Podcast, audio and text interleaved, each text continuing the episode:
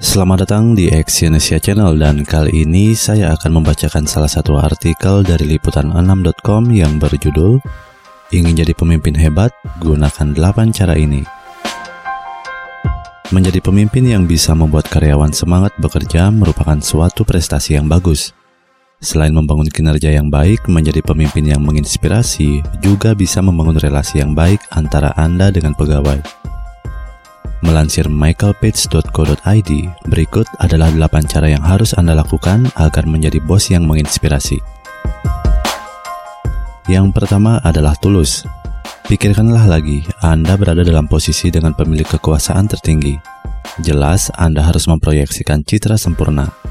Namun, kesempurnaan menurut Anda belum tentu dianggap hal yang sah untuk beberapa orang. Sementara itu, Anda tidak bisa memaksakan setiap orang bisa memahami Anda. Oleh karena itu, bersikaplah tulus kepada karyawan dan jadi apa adanya. Bagaimanapun sikap buruk Anda, bila bersikap tulus, maka akan timbul koneksi pribadi yang akan membuat karyawan mengakui Anda. Yang kedua adalah dengar dan belajar. Pastikan Anda meluangkan waktu untuk menjalin hubungan dengan tim. Lakukan upaya agar Anda mendengarkan setiap masalah yang dimiliki setiap individu. Banyak orang menyukai pemimpin yang peduli pada karyawannya, dengan begitu, mereka akan merasa dihargai sehingga melakukan pekerjaan dengan lebih baik. Untuk memberikan bimbingan pada karyawan Anda, lupakan segala teknologi. Sebaliknya, lakukan tutor dengan bertatap mata. Yang ketiga adalah beri dan terima saran. Ini adalah salah satu faktor yang penting karena tanpa umpan balik, Anda akan mengalami gangguan komunikasi. Biarkan anggota tim mengetahui bagaimana kinerja mereka dengan cara yang jujur dan membangun. Orang umumnya bersedia menerima dan bertindak atas umpan balik yang membangun, sehingga kebaikan akan datang secara teratur. Jangan menunggu penilaian tahunan untuk meningkatkan produktivitas tim Anda. Jangan lupa untuk meminta umpan balik tentang Anda juga, sehingga akan terjalin relasi yang positif. Yang keempat adalah akui kesalahan. Anda harus sadar, sebagai manusia juga memiliki kelemahan sekalipun seorang pemimpin. Akui kesalahan yang Anda lakukan dengan ingatkan pekerja.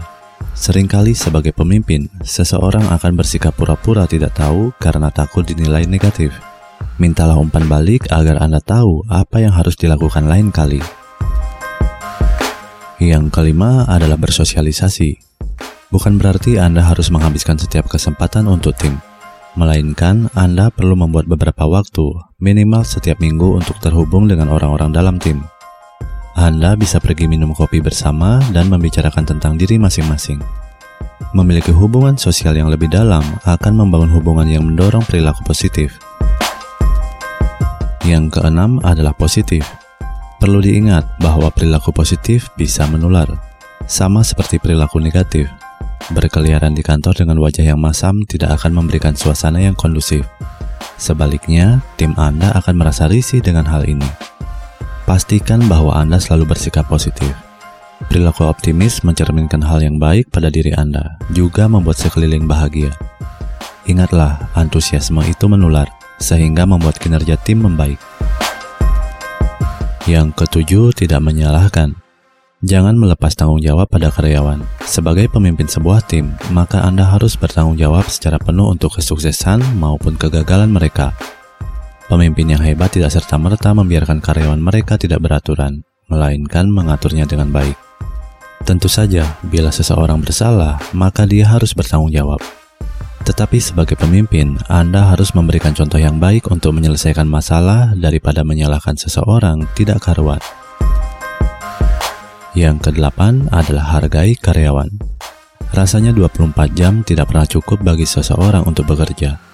Meskipun sedang liburan, terkadang seseorang tetap melakukan pekerjaannya atau bahkan untuk mengecek email dari kantor. Tentunya hal ini akan membuat Anda sendiri kelelahan.